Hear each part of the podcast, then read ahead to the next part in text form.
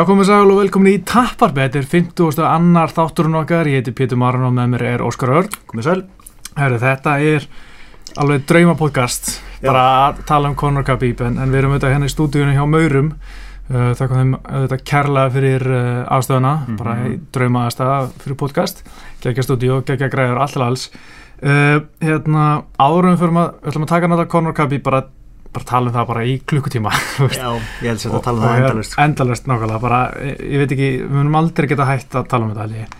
en hérna árum tölum það aðeins sko, bara fyrir mig að ég er svo sjálfsögskur og hérna hugsa bara sjálf um mig, að hérna tala um bólumóði sko, það var náttúrulega um síðstelgi og hérna, já, við munum tala um sem sagt, hérna okkar svona teika bardaðan og svo svöru spurningum, bara tökum það aðeins í lókin en hérna, svo við fengum margar spurningar, ég ánægði með það en hérna, já, bólumóti, ég var bara ótrúlega ánægð með þetta og hérna að ég sko, veist, þegar ég var í mentaskóla netti ég skipla ekki neitt, þú veist, ég hugsa, Mm. bara netti ekki að, vera neittni nefnd eða neitt, ég netti ekki að skipla ekki að, þú veist, partí með vinnu mínu, þú veist, ég hugsa bara Ok, svo mikil ábyrg, þú veist, eitthvað að taka Ah. einhver ákvörun um að, já, algjörð vesinn, bara teki ekki þátt í. Mm.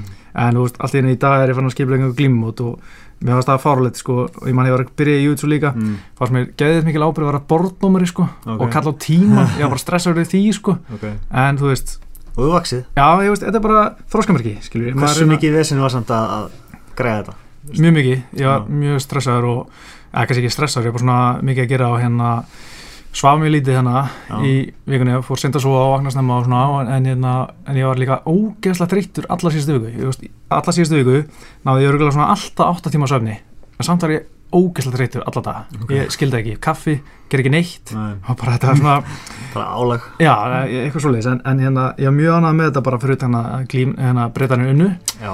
Þeir eru samt alveg skemmtilegir, hérna þeir fóru síðan á smá skrall um kvöldi og skemmtu sér mjög vel. Ok. Eh, ég var ekkit með þeim, um, ég, ég sá þá en ég var Mm. aldrei eitthvað með þeim, þannig að ég veit ekki alveg hversu hressir þeir voru en, en þeir voru vist mjög hressir og gaman að þessu. Meina, við viljum fá challenge fyrir strákan okkar, sko. algjörlega og ég held að þetta er einmitt það sem ég er að hugsa, þú veist, að þó þeir eru allir hafa tapað, Mm. að þá mun þetta elevita glímana, ég hugsa bara, ok, við þurfum að steppa our game, Já. bæta okkur, vinna í þessu og þessu og þessu, Mm. það mun bara bæta leveli fyrir alla, að hækka leveli fyrir alla. Þetta hefur verið öfugt, það er bara, ei, við erum góðir. sko. Við þurfum ekki að bæta neitt. Þannig að þetta er uh, góð að vita að tapa að hérna, mm. allir læra og hérna, Mm. geta bara elevita level og glímun í Íslandi og ég er líka mjög ánægðar með að sjá þú veist, það var náttúrulega svona eftirparti á draugstofunni í hérna eftir móti og þar voru líka þú veist allt vappi síliði kom og, var að Ah. skemmta, sér með okkur og, og ég hafi mjög gána því þú veist, bara allir voru saman að skemmta sér skiljur þú veist, Já. auðvitað er svona ég myndi segja svona vinalegu rígur á milli félagana þú veist, Mm. þú veist, það vill enginn tapa fyrir uh, gaur úr öðru félagi skilur, þú veist, auðvitað vill enginn tapa en vill sérstaklega ekki fyrir einhverjum úr öðru félagi Mhm. en samt er allir skilur buddies utan uh, keppni skilur Já, auðvitað. og góður andi á milli félagan og mér finnst bara frábært fyrir Júts og Íslandi Mhm. í dag, mér finnst það vera bara að blómstra veist, og Já. hvað allir eru að bara að bæta sig, mm. Level er að fara mjög hátt upp og er náttúrulega búið að vera gott lengi Mhm. en það er alltaf að hækka og hækka og hérna og allir eru að bara Já. að gera frábæra hluti Já, alltaf að fjölga brúmbeltingum nákvæmlega, það bara gegja.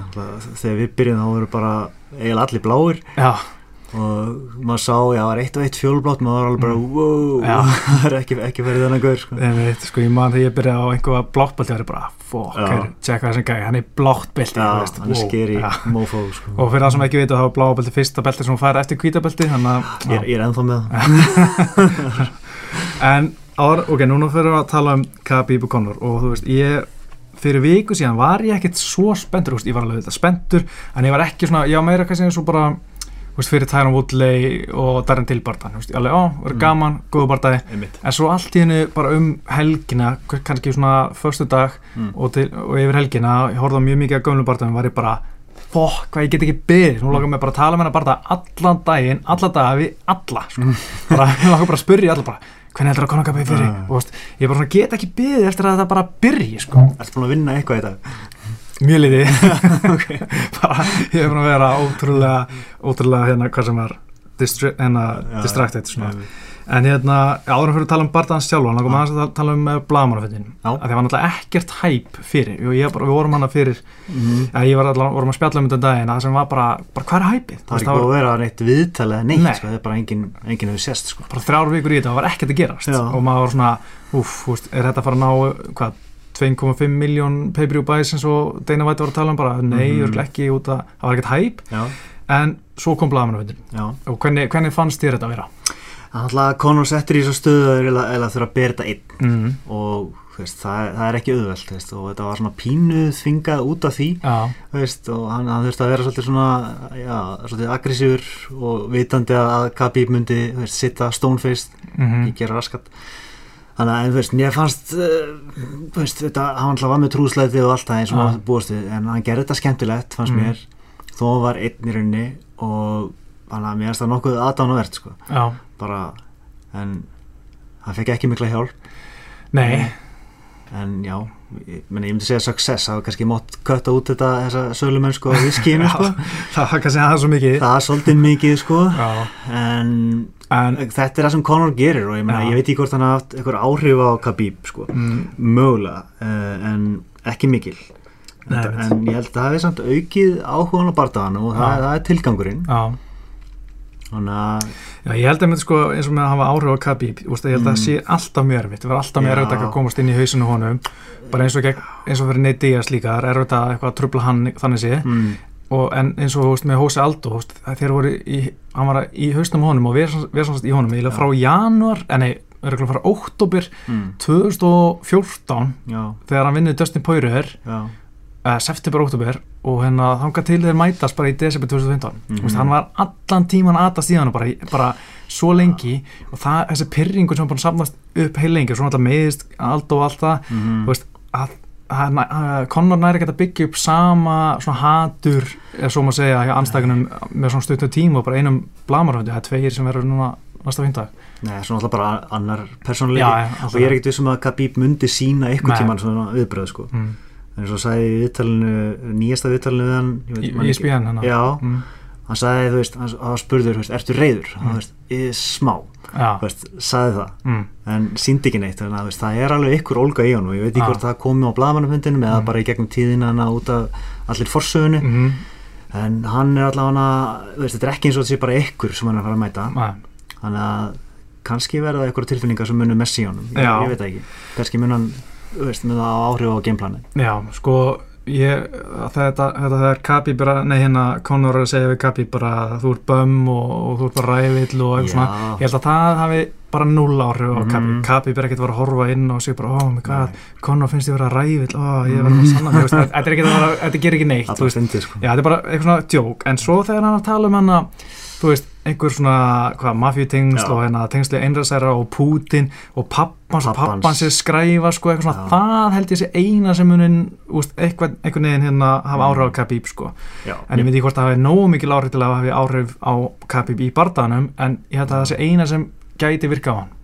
ég held að mun ekki breyta hann inn í bardaganum Mm. en mér fannst algjör snild þegar Mm. hann byrjaði að ráðast á pappans Já, veist, ég held að við höfum rætt að síðast aðeins það ekki, já, já e, en líka bara allt þetta Dagestan, Chesney dæmi sko, veist, Mm. Og bara leggja í þessa heimavinnu Já. og veist menn, hann eiga það, hann, hann gerir heimaðunum. já, hann er alveg En fengum sko náttúrulega eina spurningu um þetta Já. og getur bara afgreita fyrst við erum að tala um hennar blamanfund Já. að hérna, mafíutenslin já, Conor talaði um að Khabib var blankur og nú varst að, fá- varst að fá peningin en nú er það farið sko. Mm. og þetta er rétt, já, hann var ek, hann er ekki rétt, hann var er náttúrulega ekki blankur en það var gæi að dæla peningum í hann hann heitir, ég ætla, veit, ég- veit ég hvort þið berða fram rétt, en þetta er Siovadin Magomedov mm. það er sjálfsög einhver Magomedov, alltaf einhver Magomedov alltaf en hérna þessi Magomedov, hann var að dæla peningum í Khabib og hans kamp og Mm. hann var að gefa honum bens eftir, eftir barda og þú veist, Khabib bara posta myndir af sér á svona bens og bara geggjaður svona gjafir sem hann var að fá og hérna Aha. og alls konar peningum, en nú er Magomedov í fangilsi fyrir einhvers konar peningafóti eða eitthvað, hann dróða sér einhverja 35 miljónu dollara Mhm. úr ríkisjóði, sko, hann átti að sjá um hérna, hann fekk samningin við að byggja einhvern fótboltavöll fyrir HM og var að draga þessi pening Mm. og, og var fundin er, sakar um það og er núna bara í fangelsi og, Ok. og það eru rétturhöld yfir honum og hann var sagt ekki leistur út gegn tryggingu þannig að hann er bara einhverjum klefa ekki sagt að dæla peningum í hann le- lengur Nei. og hann var auðvitað að dæla peningum í fullt af fleiri íþróttamennum og manstu eftir UFC 223 hann og kemur kapið með einhverja langa ræðu á rúsnusku Mm. bara í Vitjó Já, Rókan já. og þá var hann byggja Putin um að bjarga þessum gæja bara Mm. heyrði Putin hjálpa þess að gæja, hann ger ekki neitt ránt og þú veist, við erum öll, allir að byggja fyrir þér hérna á Magomed og bla bla bla sem er mjög skrítið því að ef þessi gæja var að bara taka pening úr ríkisjöðu, þú veist, ákveð að þetta er Putin að heila hjálpa honum og ákveð ætti hann að fá einhverja hjálp Já, og ákveður vil Khabib tengja sér svona ofinbarlega við hann Akkurat. ennþá meira sko. Ja, einmitt, sem er uh, kannski ekki alveg rétt að dæmi en, en þessi gæi er algjör dæhjart svona MMA fan, hann var Mm. maður hann bak við hérna Fight Nights Global þar sem Petur var að berjast allan að eitt barda mm. og hérna Nikita Krylov hann var þar Ok. í, í nokkra barda þetta er svona rúsnesk bardasamtök sem voru að hasla, hasla sig völlu í Európu og ætlaði að hérna bara sigra Európu en, en eftir að hann fór í jailin þá hafa þær svona hætt við international uh, útbreyslinni og hérna Ok. eru bara einbætið sér að Rúslandi Mm. og hérna þess vegna eru bardamenn eins og Nikita Krylov farnir þaðan og konur í USA því að þeir hafa ekki lengur efna á að borga svona gæfum Nei. eins og voru að gera og hérna og þessi Magomed hann borgar líka fyrir baka gerðinni á í fyrra Mm. hann fór einhver aðgerð hann á bakinu og, og, Ok. og veist, ég meina, hann er að borga fyrir það og þetta er svona, veist, hann var að dæla peningum í Khabib sko. Svo var hann að tala um alltaf Ramzan Kadyrov og veist, ég hef skrifað alltaf nokkra greinar um, um hann og hann er hann einræðsærinn í Tjetsinju mm. og þú veist bara alls ekki slæmi maður nei alls ekki góð maður alls, hérna, og náttúrulega bara það er alveg hardcore dót sko. já, veist, þetta er bara einn hættulegstu maður í heimi Mm. og þetta er auðvitað hættulegstu maður í MMA því að hann er með tengsl í MMA heiminum hann er Mm. sko fullt af gæjum sem eru að æfa hjá sér sem eru bara að berjast á hálefili hér og þar bara í, í UFC og allt sko. Og hann var með svo UFC í Rúslandi bara á fremsta bekk Mm. og bara UFC gerir ekki neitt í því og segir ekki neitt í því og kommentar ekkert á það. Og hérna, veist, hann er nú búin að vera eld upp samkynnaði tjetinu og drepa það og fangelsa og, veist, og þetta er ekkert bara eitthvað svona sögur þetta er bara, bara rannsóknar blaðamennska sem hefur bara sýnta að þetta er bara stórhættileg maður. Og ég menna og hann, hans tengslu Khabib er ekki neitt svakaleg sko, ég Mm. menna hann uh, þú veist, þegar Khabib vann Michael Johnson þá hérna er Kadyrov að posta um, um hann og segja hann sér frábær og hérna svo kom Kadyrov að hilsa upp á hann þegar hérna Khabib var eitthvað seminar mm -hmm. og hérna og er svona buddy buddy hérna við hann og, svaka góður og hérna og svo er Khabib uh, einhverju viðtali Mhm.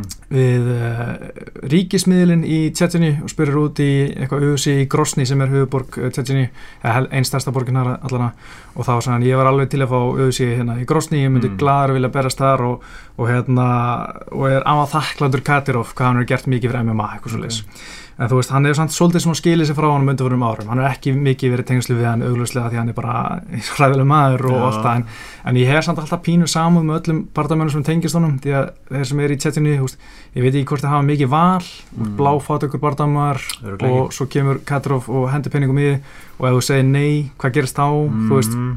maður veit það ekki, skilur þú veist er og örugglega ekkert kannski, val, sko. nei, hugsa kannski um fjölskyldina þú veist, vill ekki stopna fjölskyldinni í hættu og, allt það sko Mhm.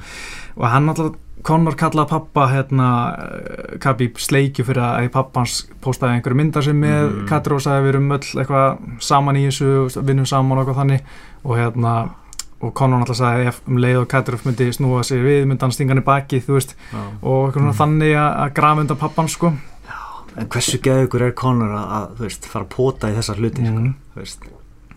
Ég veit ekki hvort sé raunveruleg hætta hvort að ykkur myndi actually gera eitthvað í þessu en, en Já, það er allan einhver strax farin að hóta honum sko. Já. Ég meina, já, kom hann að einhverjum um daginn einhver, einhver tjetsinni maður sem alltaf drepa hann skilur Já, þess að ég bara meina- s- sagði það bara ofinbörlega eitthvað en ég veit ekki hversu hættur þetta er sko. Já, já, ég meina rússar hafa drepið menn alveg Já, út um allan heim sko. Já, og nákvæmlega, hvar nákvæmlega. sem þeir eru sko og það- Ég veit En, en sko Frank Mir og Fabrizio Verdum veist, sérstaklega Verdum eru með miklu meiri tengslu Katar og feldur en Khabib nokkuð Ok, tíma ok. sko. en hérna, en svo lókum hérna Ali Abdelaziz Mm. umbásmaðurinn hans Khabib það er náttúrulega versti maðurinn þessum öllum sem, sem hann er í tengslu við veist, Mm. auðvitað Katar er miklu verri heldur en Ali en Já, hann er beinum tengslu já, hann er beinum tengslum og, og Khabib ver hann alveg fram í rauðan tón Mm. mm. hann er bróður hans, he's my brother skilur, hann er alltaf það og þarna kemur alltaf Conor í lók blaðmannafundar þegar Ali fyrir að rífa kjáft eins og hann er alltaf að gera Mhm. Dana White með að segja hann bara Ali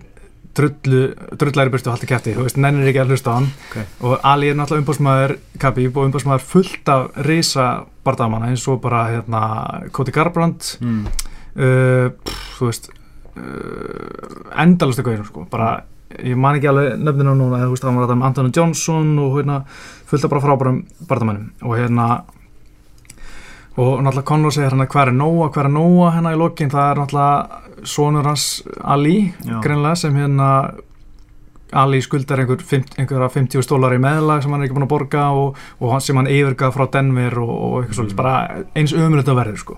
En það er ekki nóg með það, hann var náttúrulega í einhverju terrorista samtökum, hann Ali og var svona snitts eða svona rotta fyrir löguna í New York sem er, Mm. Ok, gott að blæsa nema hann uh, var sem tekin í yfiruslu af FBI því að en, hérna New York löggan bara heyrði, við erum með hennar snitts hérna, hennar informant skulu kalla hann. Mhm. hann er búin að hjálpa okkur þeir skulle tala við hann. Og FBI tala við hann og þeir bara, herri, þessi gæi er bara að bulla. Hann er bara algjört bullshit gæi hann er að ljúga ykkur, hann er bara svona double agent, sko, hann er bara snitsa í aftur í terroristasamtökin fyrir ykkur líka. Og, þeir, og New York var að borga honum sko, að New York löggan var að borga honum þúsundu dollara fyrir vinnuna hans sem var síðan ekki neitt neitt og bara eitthvað kæftæði sko Já, ok. og hérna og veist, hann, hann er bara endar á, hann var líka laugs inn til bandarækina með því að segjast að hafa unni gull og ólupillegunum í tján Mm. fyrir Egyptaland, sem hann gerði ekki hann kefti ekki þessu ólupillegunum, hann byrjaði að segjast að hafa unni gulli, svo fór hann að backtracka það eins, bara nei, ég vann ekki gulli en ég kefti ólupillegunum, Mm. sem var líka lí hann er bara einhver tveir Egyptar keft, keftu þetta ár sem hann sagðist að keftu og hann var ekki einn af þeim og hérna, ljúum eitthvað sem er au, au, veist, mjög auðvöld að afsanna mjög auðvitað að draka þetta Hversu hann er bara algjör, algjör fáiði og, og, en er samt einn áhrifamesti umbóðsmaður í MMA í dag. Ok, og hann er með tugi bardamanna frá Ramzan Kadyrov í Tjetjini Mm. hann og Kadyrov eru best buds sko. mm. og, það er til fullt af bardamennum í Tjetjini sem er ekki tengslu Kadyrov. Hann er ekki með þá, hann er bara með gæjana sem Kadyrov er með. Ok. Það er mjög steikt Mm. og er þetta miklum tengslum við Kadyrov og allt það. Svo var hann líka hérna matchmaker á World Series of Fighting fyrir nokkur árum. Mm. að meðan hann var umbúrsmaður og var alltaf að gefa sínum kunnum mjög hendu á barda. Ah, ok, ok, og, ok. okay. veist, og síðan aðri bardamenn sem var ekki um, hana, umbjóðundur hans ah, þeir voru ekki að fá barda sem þeir vildi fá skilji. Hann er bara eins fissi og mikið er ok. En ok, snúum okkur að bardaðan Já, ég Góð samantækt ok, ég ætla ekki að tala svona mikið um þetta en, en, vonandi einhver sem var gaman að Já. ok, byrjum bara á bardaðanum alveg mm og bara standandi Já, ég meina það er allir bara vissir um það að- að Khabib á ekki senast standi mm. en það er spurning mun hann reyna að standa eitthvað? Já, það er vantalega, svolítið risky proposition mm en hann vantalega verður að gera eitthvað. Já. Það þarf að komast inn fyrir. Mm og, en já, eh, Conor þarf bara smá glugga. liti er gluggi. Er þetta Twitch? Já, en Og- sko, náttúrulega konar er miljónsunni betri standardi. Já, já. og hérna, en Khabib er ógæslega viltur, ég er að var að horfa á fyrsta barðanars uh, mútið hérna í USA, mútið Mhm. Kamal Sjólórus hann er ógæðslega viltur það er bara fáralega fyndi, ég bara trú ekki að hann hafi komið svona langt með því að vera svona viltur hann er svo hellisbúi sko. Já, bara eins og kunni ekkert. Mm að bóksa, sko. Já, og hérna, en vinnur samt og, og með, næður með þess að kýla niður hérna Kamal Sjólórus og eitthvað. Já, en hérna og svo, eins og með Michael Johnson partaðin, það var ógæslega mikið tala um hvað hann er í næstu róta þar, já. það er svolítið overblown, Svolítið ríkir í horðið mitt og þann bara það aftur. Já. Hann svona ok, hann var kannski aðeins svona vangaður Mhm. en, en ekkert neitt ekkert neitt svona vaggandi sko. Nei, þetta er svona þrjú hög sem heita já, fór svona aðeins svona, oh, ok, þetta var aðeins óþægilegt Já. uh, svo bara held hann áfram og, og, og móla hann, Já. þú veist þannig að ég get ekki séð veist, það er ekkert að segja hann sér með veika hugu eða það sé Nei. hægt að róta hann yfir höfuð sko. menn að kannski tekur hann högn jafnvel og neitt dýja sko Já, mér fannst, sko, ég horfði á barndagans gegn eh, Pat Healy og Gleison Tíbá já, og mér fannst hann fá alveg fín hög þar Já. og hann hakkaðist ekki, sko, Nei. Hann var ekkert eitthvað vangaður og náttúrulega hefur, hann- hefur aldrei verið vangaður við vitum með mitt ekki alveg hversu svakalega huga hann er með ekki nei, og hérna, og mér finnst þetta vesen sem hann var í innan gerðsalaba gegn Mhm. Johnson svolítið svona ófæpað þetta var að gera svo staðnum í mann hvað maður var að missa sig og líka og Joe Rogan og þeir voru að missa sig svo mikið yfir þessum höggum sem voru ekki endilega að hitta því að ég man að eitt högg var að hitta svona í höndin hans mm. og hún sveiflast og það er svona kannski leit út í fyrst eins og hann var í vangar en svo Mhm. sér þetta í slow motion sem náttúrulega Joe Rogan var ekki að gera þarna í beinni útsendingu Mhm. og sér þetta hittir í rauninni ekki eins mikið sko. nei þannig að það er svona já, það er einhvern veginn eru allir að hengja sig á þetta Já. litla augnablík? Mm og sem kannski sýnir hvað þetta er geðbla þetta er eina, eina, eini mögulegi veikleikin sem hann hefur sínt Algjörlega. En svo líka hefur Kapi Beckett mætt svo mörgum svo góðum strækurum. Þú veist, Edson Barbosa er er góð strækari, sparkari. Nákvæmlega, og bakkar. Hann getur ekki strækað þegar hann bakka nei, og hann hefur ofnum fyrir, fyrir pressu nákvæmlega sko. Hann, hann leta hann bara bakka, hlaupa aftur bak Já. og það sýnir sko hann bókstala hljópa á hann hann var ekki með eitthvað góða pressu. Hann bara hljópaði hann um tók eitthvað fljúandir nýja og bara stökk á hann sko. Já, við fannst það fyrst verið að geða ykkur veist, að gera það, en svo Mhm. bara, hei, auðvitað þú veist, Já. hann þarf að setta, hann þarf að, til að sparka hann þarf að hafa stöðu, undirstöðu Mhm. og hann gata ekki. Akkurat, Ali Já, hann er fít, en þetta er wrestler skilji. hann er wrestler upplæði, feet striker mhm. en þú veist, ekkert meira en það Nei. uh, Michael Johnson, hann er wrestler sem er Mhm. orðin feet striker uh, Dos Anjos, hann er góð striker mm, uh, þetta er Jútsi gæði sem læri striking svo erum við Conor McGregor sem er bara elite level striker, þú veist, þetta er bara eitt besti striker Já. í sögu MMA myndi ég segja, ég meina átjar Mm. rótök í 21 seri mhm. sjö rótök í nýju sérum í UFC þú veist, þetta er svona tölfræð sem bara maður sér ekki hjá einhverjum sem er meistari. Nei, þetta er awesome. Við getum samt ekki sagt að ef hann hittir þá mun Khabib fara niður. Nei, nei, Veist, nei, Það er ekkert að segja það. Við vitum það ekki sko. En, við veist, já, hann var náttúrulega fyrstur til að róta Aldo og, Já.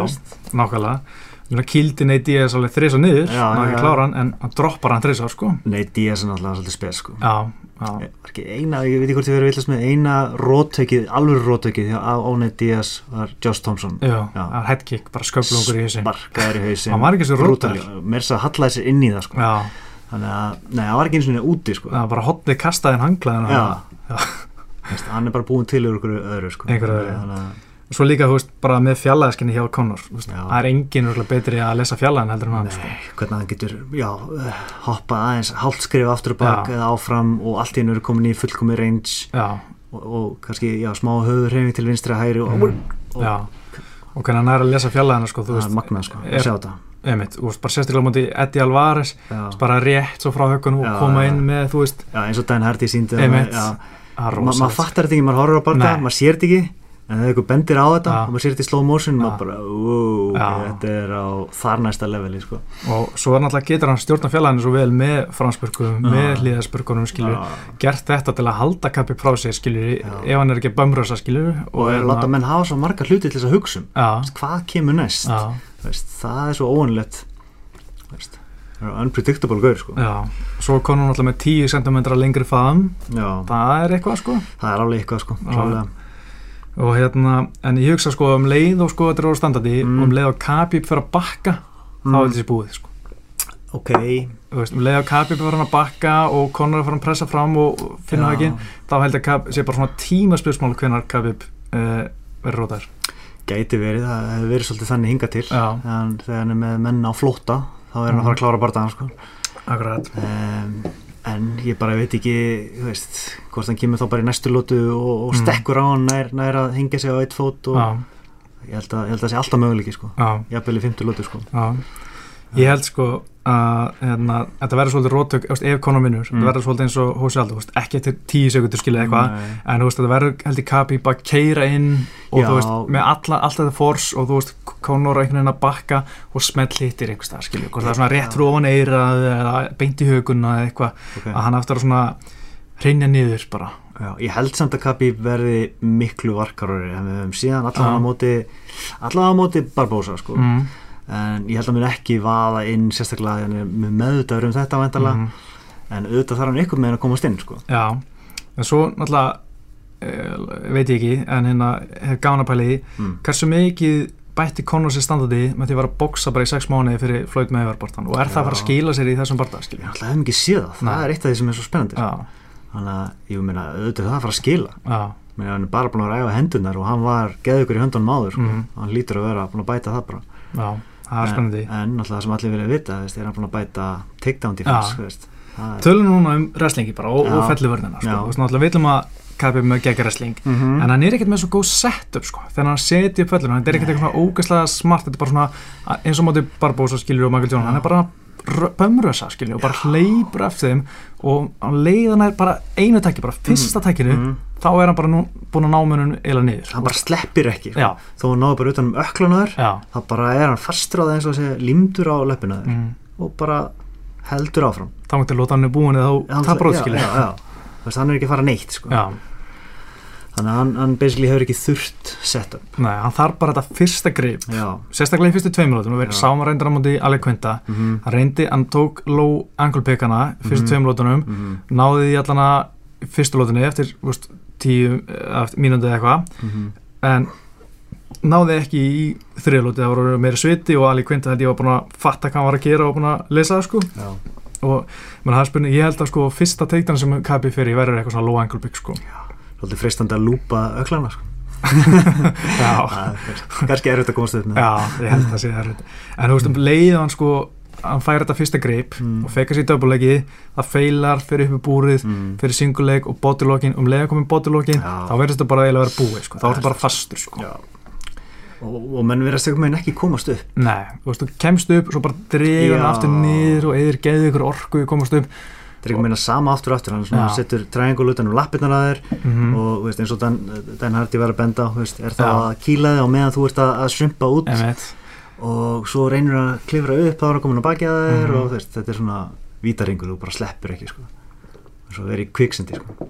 algjörlega og, og hann er svona líka er alltaf að ræta menn sko, þú veist, Já. hann er ekki svona jú, hann setur alveg krókan inn og tekur baki Mm. mm. en hann er mest svona bara að ræta og þú veist, þreytir þig mjög þreytandi og, og, og, þú ert að bera hans þunga og hann er að kýla þig og þú Já. ert eitthvað svona að reyna að verja og reyna að komast upp og hann er Mm. úslega góð að taka beisinu undan mönnum og ert að reyna að beisa út með annar höndinni hann tekur þá höndi burtu Mhm. og er að kýla á meðan og bara svona, come on, í alvegni, Já. give me a, give me a break sko. En það var sjálfan sem kemur eitthvað svona eitt högg sem verist vera bara svona já, brjálaðslega þungt eða, KO sko. Ekki nema þarna, já, hvað var það höggið þannig Kabi punchið var ekki?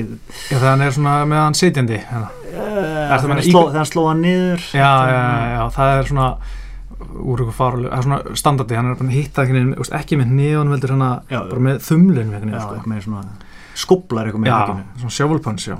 Já, hérna, mér finnst líka magna að sjá hérna uh, þú veist uh, Veist, þegar hann er á móti Michael Johnson allan, hann Mm. var að sko hann svona stendur alveg upp og er bara að kýla niður, veist, svolítið svona eins og GSP var að gera, sko, svona nema kannski standa í gardinu hjá mönnum og kýla niður Mhm. en þarna er oft bara svona að standa upp í halfgard ég man á móti Michael Johnson, þá var hann að reyna og hann er bara svona, hann er að kýla og hitta Mhm. en ef hann hitt, hefði hitt aðeins betur, þá hann rótan, hann bara svona, þetta er svo brjálað þungja því hann stendur bara og er að Já. kýla, skilur Mhm. og það er bara skeri grandi pont sko. og hausin á Johnson hefur til að fara á sko. nei, nokkarlega sko. og svo náttúrulega hérna er hann náttúrulega með þetta gegja wrestling og þú veist hann Já. náttúrulega chain wrestling og allt það og, en hann er sann svo ruggsterkur segja Mm. allir sem að glýndu hann bara djúvöldara Já. sterkur og Daniel Cormier segir að hann sé miklu vandrað með hann er þeirra Rockhold- wrestla, skilur. já, Luke Rockhold var eitthvað að tala um þetta veist, og talaði um að væri jafnvel bara á við middleweight sko, að grípa með það sko. ég veit Þannig að það er svolítið skeri sitt sko. Og líka all, allir sem sjá hann í einn personu sem bara djúvöldara stór. En maður er alltaf að spyrja sig veist, ok, ef þetta, ef þetta fyrir þetta hann bara næður hún niður, ok? Mm hvað er hann að fara að endast lengi, veist? Mhm. er hann að fara að endast tvær lótur af þessu? Veist, hvernig verður hann eftir það, er hann þá bara búinn að því? Já. Þannig að það er svona stóru spurningar þar í þessu sko. Já, það, ég gef sko konar að, að ná högginni í fyrsta lótu annar lótu, svo er það bara búið sko.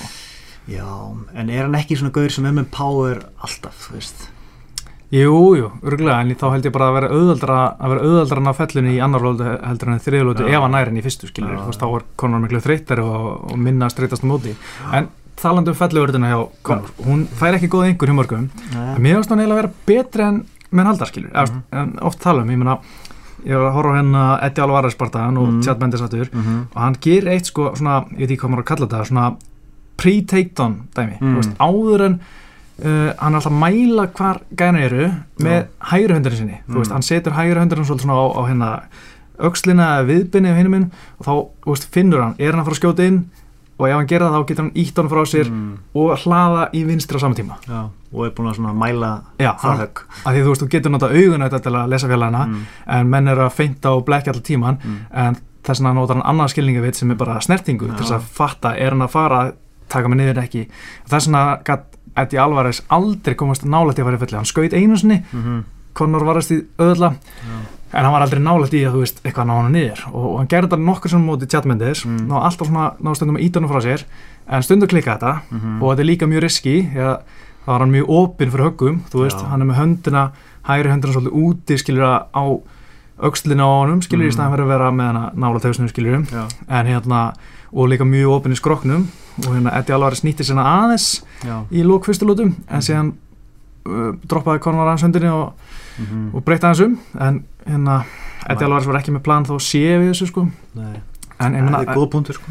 að, að þetta er svona þú veist gæti verið eitthvað svona að þú veist, hann mun vera með höndina hann út á honum Mm. og finna bara svona, ok, hann er að fara að skjóta núna þá bara hlaðar hann, hann vinstri mm. og svona tekur vingil fyrir frá það er mjög verið að útskýrta í hljóði en ekki mynd eftir reyningu sko, en, en ég vona fólk sé að skilja hvað ég er að fara sko. mm. og þú veist, og hann líka náttúrulega mótið Tjart Mendes, var hann mitturinninu, búin að æfa fyrir uh, Hósi Aldó í margamáni, Mhm.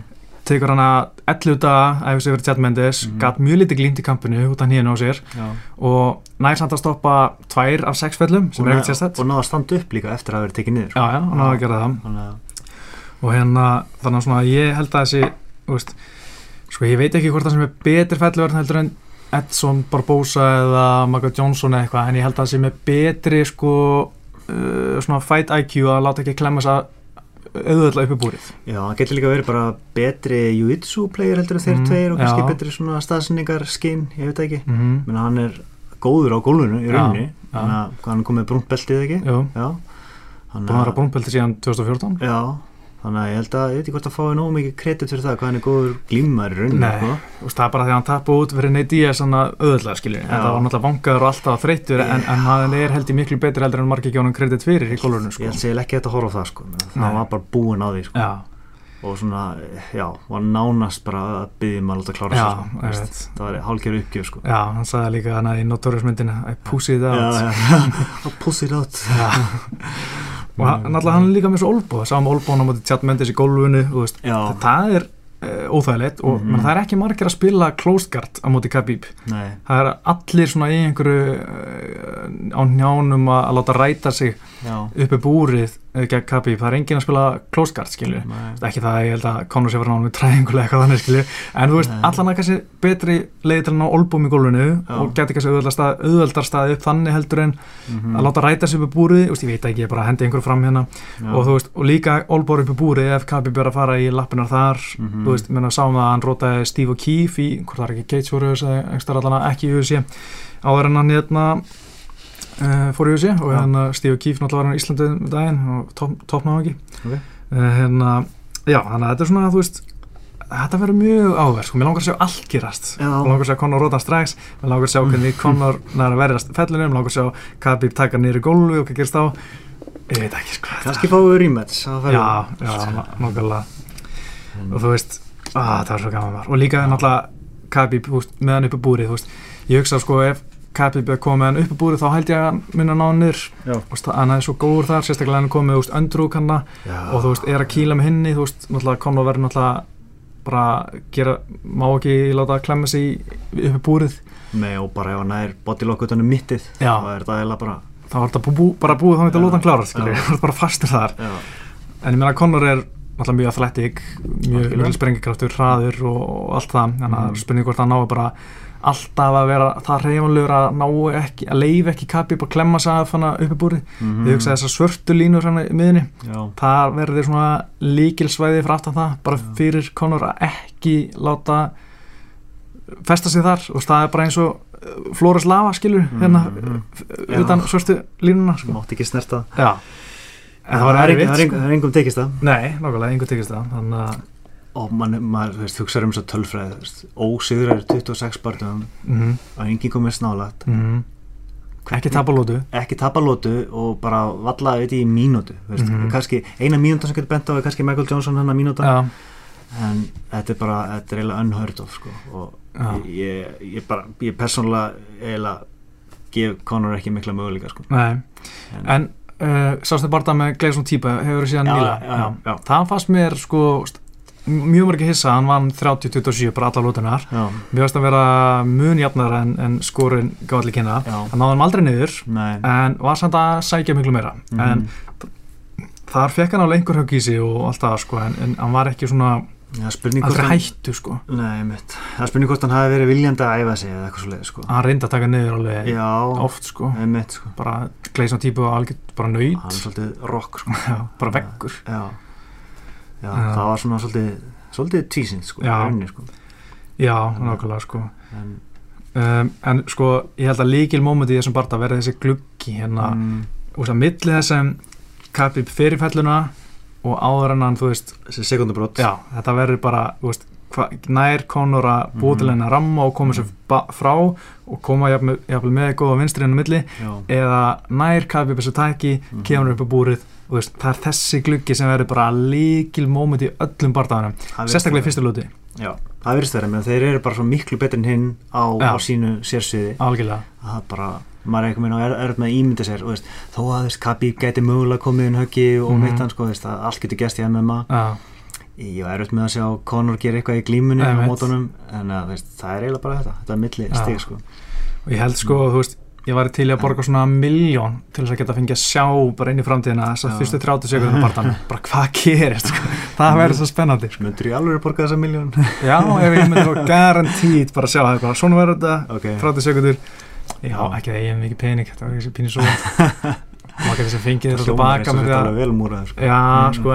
að sko. já, sko, sko, ef maður myndi kannski sjá fyrstu, fyrstu tvær myndunum frekar já, og kannski úrslitin og getur maður betta á þetta að fengið tilbaka já það, það var fyrir dýrt það er auðvitað svindl en já.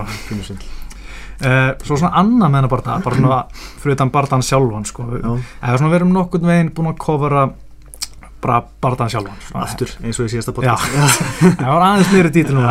það vona ég allan Já. ég, ég man alltaf ekkert hvað ég segi hérna sko. uh, en hérna svona almennt bara, ertu búin að vera að horfa eitthvað á þú veist hérna, þú veist, Khabib uh, videoblogin hann sem að vera gefin út og, og Owen Roddy videobloggi og allt svona efni í kringu þá já, eitthvað af þessu uh, kannski ekki alveg allt sko. Nei. Ekki hort á hana Roddy Mhm. viðtalið á það en, en það var þessi þáttur Já. þessi 6 minúna þáttur uh, eins og, eins og ég var að segja þér á hann ég man ekki alveg hvað gerist í hann það var ekki það eftirminnilegur. En ég, ég er búin að horfa á svona það sem hefur verið í bóði eða sem er ekki mikið af að þú fyrir bara YouTube og leitar. Já. Það er eiginlega ólítið efni í kringum hann að barta meira af hérna, Khabib Eldur Conor og það einmitt, var einhver spurning um það hvort að hann sé allt svona frekar mikið leynd yfir kampinu á Conor Mm. það sé frekar lítið. Ég bara hann nennir sig já, ég held Já. að það sé máli sko, hann bara, hei bara, ég er hann þreyttur á þessu mídíadæmi, já, ætla bara að einbyrna mér að gera þetta vel já. og ég er bara ánægð með það sko, ég, ég- ég þarf ekkert meira hæp sko. Nei, en ég er að minna að hann er kannski ekkit sjálfur að posta myndum á sér en að vídjum á sér, hann er með mann í Já. þessu sem er að taka upp vídeo og skilur og gera eitthvað. En ég minna Macklife vídeo sem hérna var alltaf á- kom alltaf út svona Macklife hérna sem var eldan eitthvað. Á blogg, já, kannski ég mynd, nennir hann ekki að hafa myndaleg kringu sig. Þetta er alltaf svolítið þú ert að hugsa um hvernig þú ert hvað þú ert að segja, já, já, þú ert ekki alveg frjáls sko, Nei, það er rétt. ég skil það alveg sko. En svo líka er ég búin að horfa á þessi videoblokk hjá Owen Ruddy og Já. sá eitthvað John Cavan og þeir voru að fara að skjóta og eitthvað. Og Conor er aldrei með sko. Nei, hann sést ekki í þessum videoblokkum hjá Owen Ruddy sko. Já. Það er spurning hvort hann hann tilgangur með að sína Já, veist, það er bara spurning hvort það sé sko, hvort hann sé algjörlega í búin að einangra sig mm. það gerir það alveg fyrir svona, með það sem ég hef séð en, en kannski búin að einangra sig ekstra mikið þú veist, það er spurning hvort, hvort það sé að segja mann eitthvað þú veist, á maður að lesa eitthvað í það og hvað skilur við, hann verðist allan að vera einbyttur Já. finnst mér uh, og bara viðtalið við þannig að írska blamannin Andrew McEwan Já.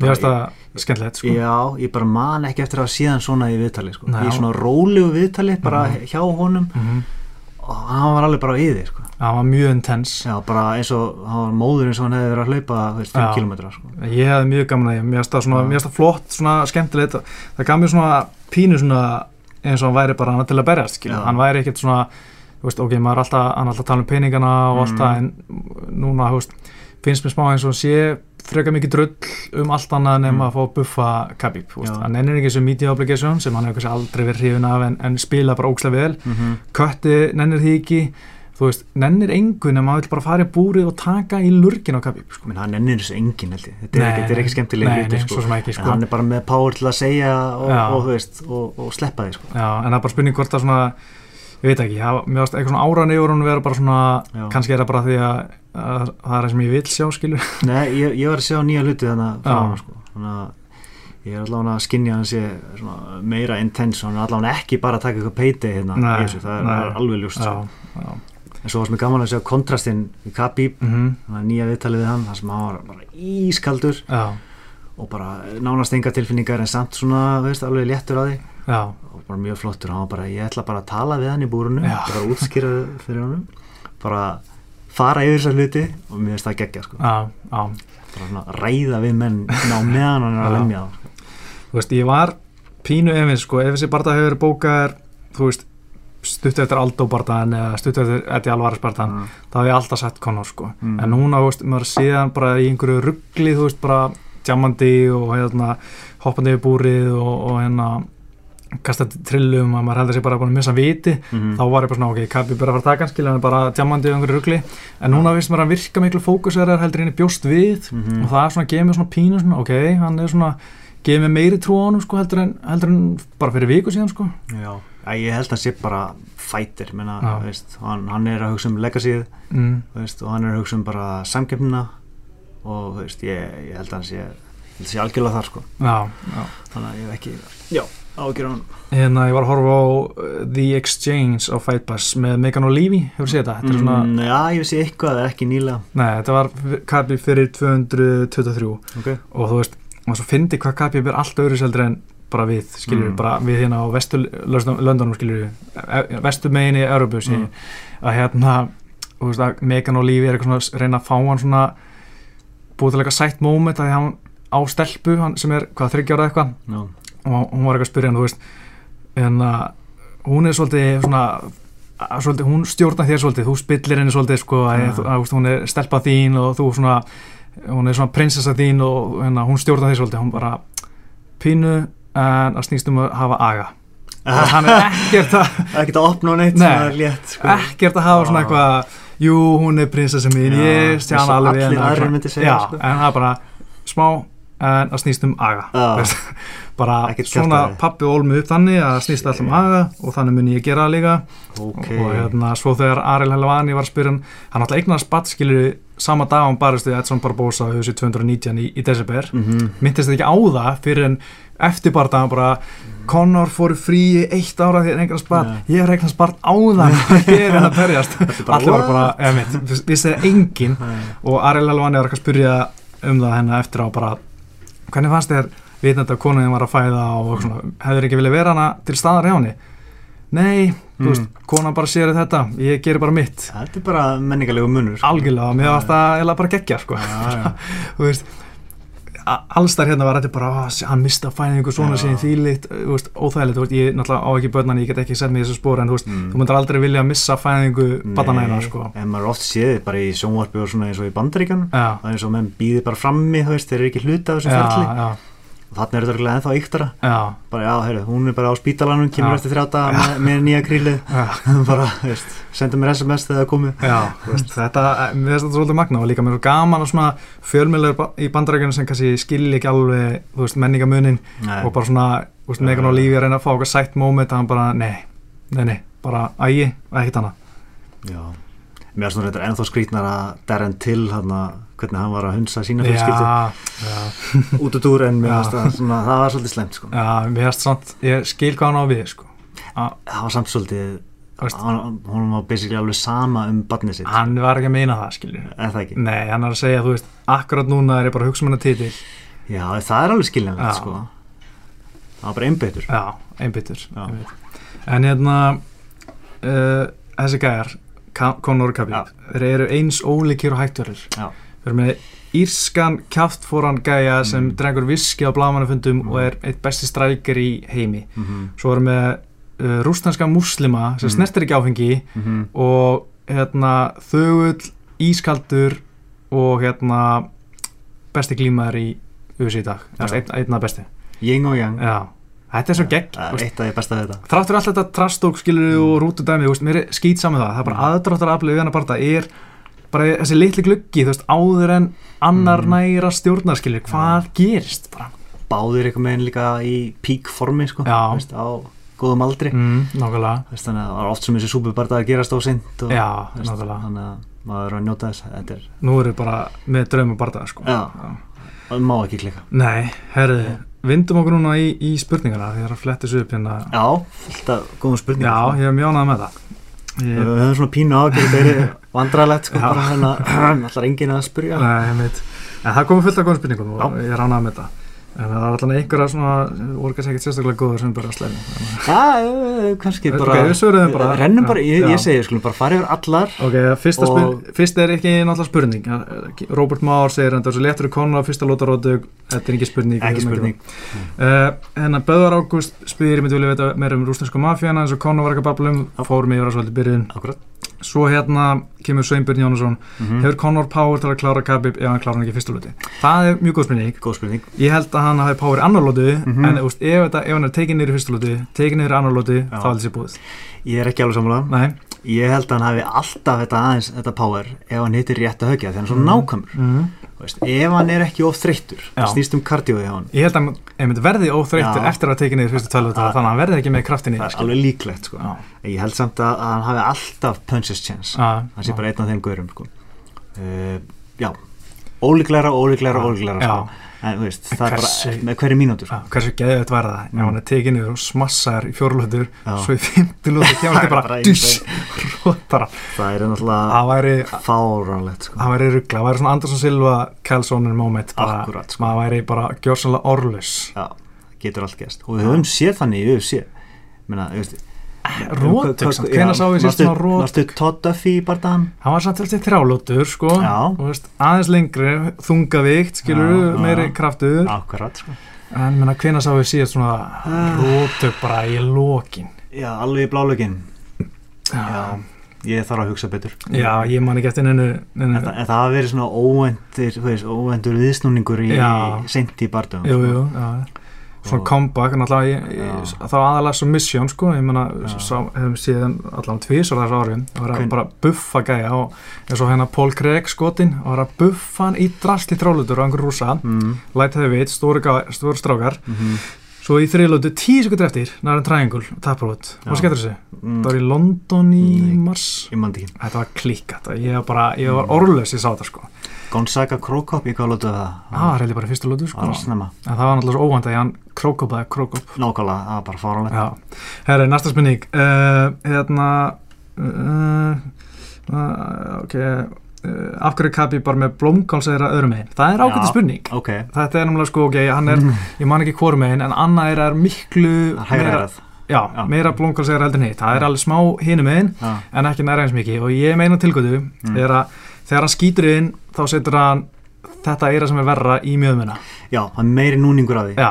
Hlýtur bara að vera. Og ég held að þetta sé mjög sko, menn les oft í caulifloweri á anstæðingum sínum í wrestling. Ef það er hérna, meira öðrum megin þá er hann að skjóta þeim megin. Mhm, það er sem sagt, það sem menn segja í wrestlinginu Þetta er fín spurning og ég er ekkert vissum að allir vita að cauliflower eru sé út af glímu, ekki Mhm. út af höggum. Mm. Þú sér þetta ekki í bóksurum sko. Nei, en það getur alveg að skilju. En er miklu meira í, í veist, ég hef alveg sé bóksara með Colli en, en miklu meira í klímina því að menn er að Já. þú veist, að alls konar núningar í eirað og eirað bóknast og brenglast og þau vart að skjóta inn eða þau vart að einhverja krista á hausinn og eirað bóið og það Mm. brotnar og blæðir inn og bla bla Já, fyllist af vökva mm og, og dreinar það ef þú ert Já, já. sniður já, en það er samt dugar bara skamt Já, þetta er svona, skamgóður vermir. Það fyllist alltaf aftur og var til að setja eitthvað svona klemmu á það þannig að byrja ekki að blæða strax sko. En hún gerir oft ekki alveg nóg mikið sko. Drókislegt Já. Mm. uh, Ef Kapip nær ekki þín hann er, já, þetta var Sveinbjörn Jónasson og svo fyrir núna í Þorsteinn Alli mm -hmm. Georgsson, ef Kapip nær ekki þín er Tony forhoppin? Nei ég held að ef Kapip nær ekki Já. konar segir fuck it better samt. Berjum samt Já, Já, já, ef að kappi við til. Já, Já, já, ef hann er bara skilur pundi frá ég held það, já, já, klálega sko. En sko ef að Khabib setur á spítala og getur ekki þá náttúrulega Tony sko. Já, klálega en ef, já, ég sammála. Ef að Khabib getur ykkur meginn barist Mhm. þá mun bardaginn fara fram. Já. Klálega og þá verður örugglega eitthvað þannig að þú veist Já. að ef Khabib vinnur þá er hann ekki lengur meistari eða eitthvað svo leiðis eða verður ekki titilvörð Mhm. en ef Conor vinnur þá verður hann nýr veist. en svo var áhugert sem að Conor var að segja í viðtalinu þannig Mhm. hann var einmitt spurður út í þetta Já, og hann var að segja þess bara uh, já, ég hefði ekki gert þetta já, uh, en núna þá myndi ég bara samþykja já Tony, veist, Mhm. uh, sem er svolítið kemur óvart að því að maður er alltaf síðan sem gaurin sem hefði alltaf sagt já, Mhm. sérstaklega eftir hérna Aldo Mendes dæmið, Mhm. en greinilega ekki Nei. en hann myndi segja já, Já, ég var bara, já, mér finnst það skemmtilegt, skemmtilegir hinskilni og hérna, og mér finnst það samt pínu kúli að það myndi bara fuck you all og fara aftur í skuggan eins og hann talaði um. Já, þú veist, hann vill bara berast í Khabib hann á bara einhver svona eitthvað sögund við hann hann ætla bara að leysa það mál. Mm. -hmm. drullu saman með Tony Ferguson eða Anthony Pettis. En auðvitað vil ég samt sjá hann skilja, hann komur þetta langt skilja og hérna, sjálfsög herri, já, Grettir Jóhannesson, Já. ef Conor vinnur hvern vil ég sjá hann berast inn næst Já, uh, augljósa nafnið er GSP, eða ekki mm -hmm. Sko, náttúrulega á sama kvöldi er náttúrulega stór bardagi í léttvikt Mhm. Tony og Pettis og ef að Tony vinnur þá Mhm. náttúrulega á hann klálega 100% 120% Já. skilið að fá Já. að berjast við Mhm. Conor um beltið.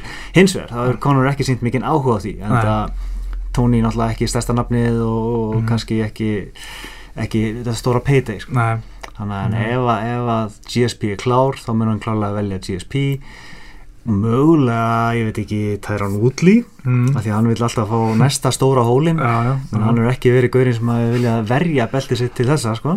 Nei, og hvað, hvað það á móti hættulegum og minna þekktum anstæðingum sko. mm.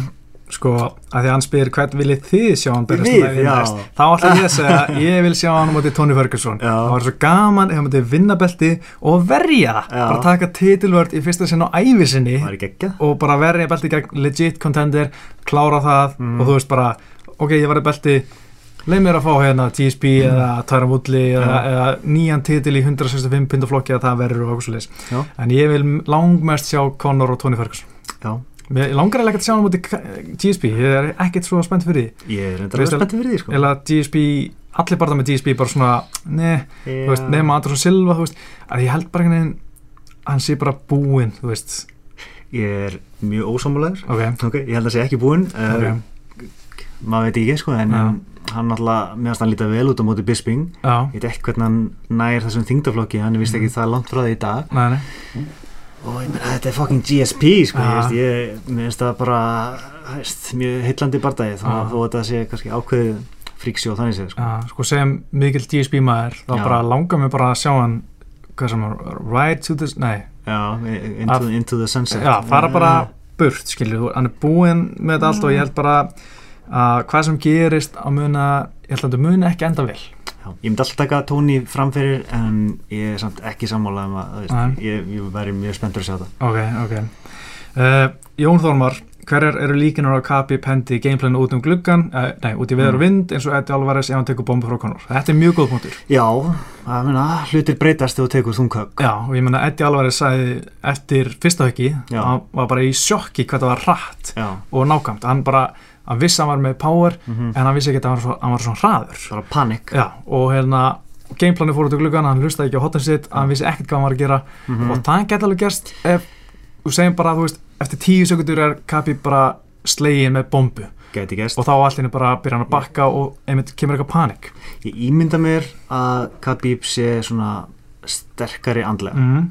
en, en það er bara það sem ég ímynda mér. Já, ég gera það sama sko. Þetta getur klárlega gæst samt sko. Já, en maður sá hann samt ekki bregðast neitt svakalega illa við þegar ég sé hann fá högg þó sé ég kannski ekki eins þunghögg og að vera mangaður eitthvað þannig mm -hmm. en hann var, þú veist, hann held áfram á móti Michael Johnson, hann var ekkert eitthvað virtist ekkert vera svona, ekkert brúðið þetta er náttúrulega miklu starra svið meira, meira pressa og ég menn eins og Khabib talaði um einhverju þessum hérna, videoblogum, mm.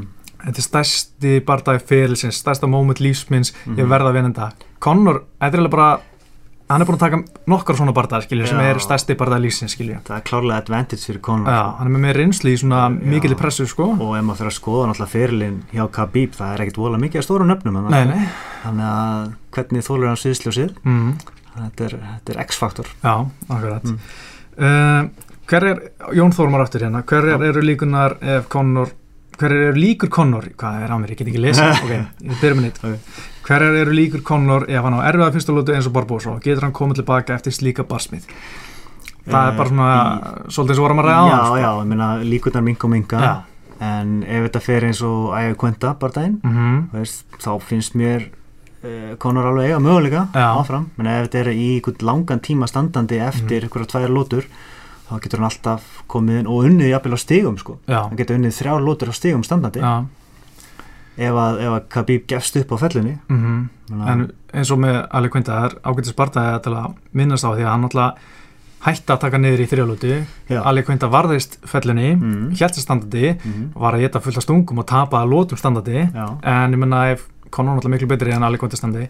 En ég held bara svona, svona hrættur um að Conor verður bara svona þreyttur. Af því að hann hefur sínt svona cardio issues einmitt eftir aðra lótuna gegn ADS í Mhm. báðabartaðan þeirra Mm. kom tilbaka í setni bartaðanum, fekk svona second wind þreyttur í Floyd Mayweather, jú, ennur íþrótt all, alltaf, Mm. samt þreyttur þú veist, Það voru tíu lótur samt já, já, en þú veist Tíu þreggja minna þryggja með hann lótið, já og þú veist, er hann að þú veist, ég er alltaf svona, maður alltaf ég að setja alltaf pínu spurningar við, við kardio, þú veist, hann er bara setur svo mikið kraft í, í höggin og hvort Mhm. hann sé að peisa sig rétt, veist, hvort hann ná að peisa sig eða að vera að lúskra á hann Já, vonlist að svara Það er svo margar breytur í þessum bardagar sko. já, ég veit það er ekki að vita Það er ekki ekki uh, Brynjar Örn Elletsson uh, fjólblótbelti í Júitsó Já, sjárat á Brynjar. Mhm. hérna, hvað verður um Conor hann skrifa Conor vittlust, ég ætla bara að benda hann um. Eh, N. Já. það er- skammalegt sko. Að að banna strákar uh, hvað verður um Conor ef hann tapar er hann ekki nýbúin að skrifa undir nýjan samningu við Mhm. UFC jú, hann er búin að skrifa undir samningu við UFC í hvert einasta sem hann er barist síðan eftir Chad Mendes eða eitthvað alltaf nýr samningur, alltaf þú veist 6-7 bardagar mhm. og þú veist, hann er alltaf að fara að klára hann samning skilur við með Nei. bara sama kaup alltaf nýr samningur, hvern einasta barda nýtt, uh, nýtt kaup, betri laun Mhm. meiri kjör, aðra þú veist, allt annað dæmi sem kemur í samningin þannig að þó hann er 20 barda eftir, geta hann bara hægt hér og nú og þú veist, auðvitað er ekkert með að segja. Já, hins vegar þá það er kannski það sem hann er í að Já. er, er hann búinn á því Mhm. eftir tap uh, Já. sem er, ég held bara alls ekki. Nei, sama hversu illa hann tapar þá er hann stærsta stjarnan og verður það áfram. Já,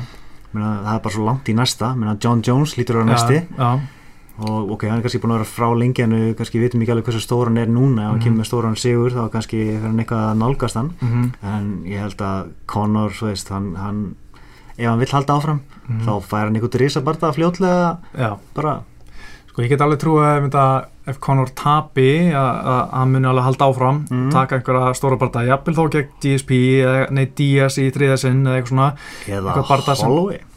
Já, kannski ef hann er viktinni eða það. Já, ég veit ekki sko Þú veist bara ef hann er, sko ef hann er uh, ef hann vill berjast áfram. Og, veist, það er einmitt það sem maður veit ekki alveg veist, hann er með hungur núna Mhm. til að buffa Khabib en mun hann svo bara hverfa aftur í tvö ár og fara að gera eitthvað allt annað? Já, eða þá uh, síðast þegar hann tapaði mm -hmm. þá heimtaði hann rímætt Já. og fekk það. Það var núlega, það var ógæslega gaman. Það er bara ekkert ólíklegt sko. Nei, já. Sérstaklega ef, er, ef það er svona ef, ef hann sýnir hann átti möguleika í já, en alltaf ef þetta verður móling í fjóra veist, þá, þá bara hei, hvist, hættum þessu. Já, hann er betri og allt það sko. Já. Já. það er mjög góð punktur. Uh, ég, myndi, ég held að já, hvað verður um Conor ef hann tapar ég held að muni, just, hann verður alltaf svona stór stjarnað og hann Mhm. halda fram að tapa uh, hann er alltaf svona attraksjón að sjá hann berjast alltaf ávert, bara eins og Karlssonvin Já. var ennþá stórt nafn og hann var að tapa, tapa, tapa að þú ert komin á þetta level bara Já. töpum virðast ekki hafa mikil áhrif á, á star levelið sko. Nei, en það var einhver samt sko, Að ég meina, sko. hann er, segjum að þessi barða gerir Mm. 2,5 miljón uh, pay-per-views og næsti, og hann tapar það var kannski aðeins og minni áhugi, eh, jafnvel kannski ekkert svo mikið ekki svo mikið minnum nei, mikill áhugi, en svo kannski ef hann tapar aftur mm, þá fer áhugin alveg dvínandi og þú veist, og kannski ef barðan er hægt að vera skemmtilegir, þú veist, þá fer áhugin alltaf minka og minka, Já. en það tekur miklu lengri tíma að hrunja niður í vinsaldum heldur en eitt tap, sko. já. en þú getur ekki haldið áfram að, að segja á sér bestur og, og sér fara róta alltaf þú ert að- að tapa og tapa og tapa tapa. Karlsson er náttúrulega heldur í samt, ennþá fram Já, að hann sé já. pestur og eitthvað. og já. hérna sé taplaus og allt það Já, skilur. einmitt. Undefeated Herriði, uh, Arnar Sigur Haugsson uh, lögfræðingur sínist mér. Uh, já, lögfræðingur. Uh, hvað finnst ykkur um að aðtöki í New York sé nota svona mikið í prómó uh, mér finnst svona eiginlega tvent með þetta. Já. ef þetta er ekkert verið notað það er fólk sagt okkur er ekki að nota þetta, Mm. okkur er ekki að sína þetta prómó er, nei hérna, New York dæmi er að reyna að sópa sundi teppið, Mhm. alltaf er gaggrind þar þeir nota þetta, þú veist jú, kannski aðeins svo mikið en þú veist, ég held að verða að gera það til þess að bara minna á þetta þegar þetta er gæðin sem Conor var að ráðast á fyrir svona casuals, hann að buffa þennan og þeir eru núna að fara að berjast, Mhm. bara tjekkja á þessu en ég gæti kannski aðeins chilla á þessu og þetta er kannski pínu ósmekklegt að því að svona sumir voru alveg alveg slasaðar hana og hérna Róstam og Djúnas bara í einhverju áfalli segir hún yfir þessu eitthvað þannig sko. Já. mætti kannski aðeins tóna þetta niður en þeir urðu að nota. Já, það var alltaf var ákveðin hræstni að gera það en þeir Mhm. eru að gera það. Já, þú veist, þeir náttúrulega byrjuðu á að tala um Dana White að þetta væri bara eitt af umlast sem það er ever. ógeðslegasta sem hann er sé- séð í þessi Já, en svo náttúrulega sagði hann réttilega bara í viðtæli hann var spurður, spurður um um daginn bara, veist, af hverju þetta nota? Og hann bara, þetta er sagan. Já, þú ert að segja sögu bardagans Mhm. og þetta er sagan, þetta er það sem gerist. Já, það er mjög góð punktur ég meina, það er bara erfitt að segja eitthvað á móti því sko. Já, algjörlega Herri, svo kemur Kristinn Magnússon. Ákveð enginn að tala um Ferguson-partan Hvað gefur hann til með að segja ef hann sigra Pettis Mhm. ef hann vinnur, ætti hann ekki að vera örgum með tillabartan næst eða bókaðar aldrei Khabib Ferguson aftur? Já, Byrjum á ákveð enginn að tala um Ferguson-partan af því að Conor er bara auðvitað maður bara gleyma er bara bara þannig. alls frábær bardagur Algjörlega, hvað, kem, hvað kemur hann til með að segja ef hann sigra Pettis?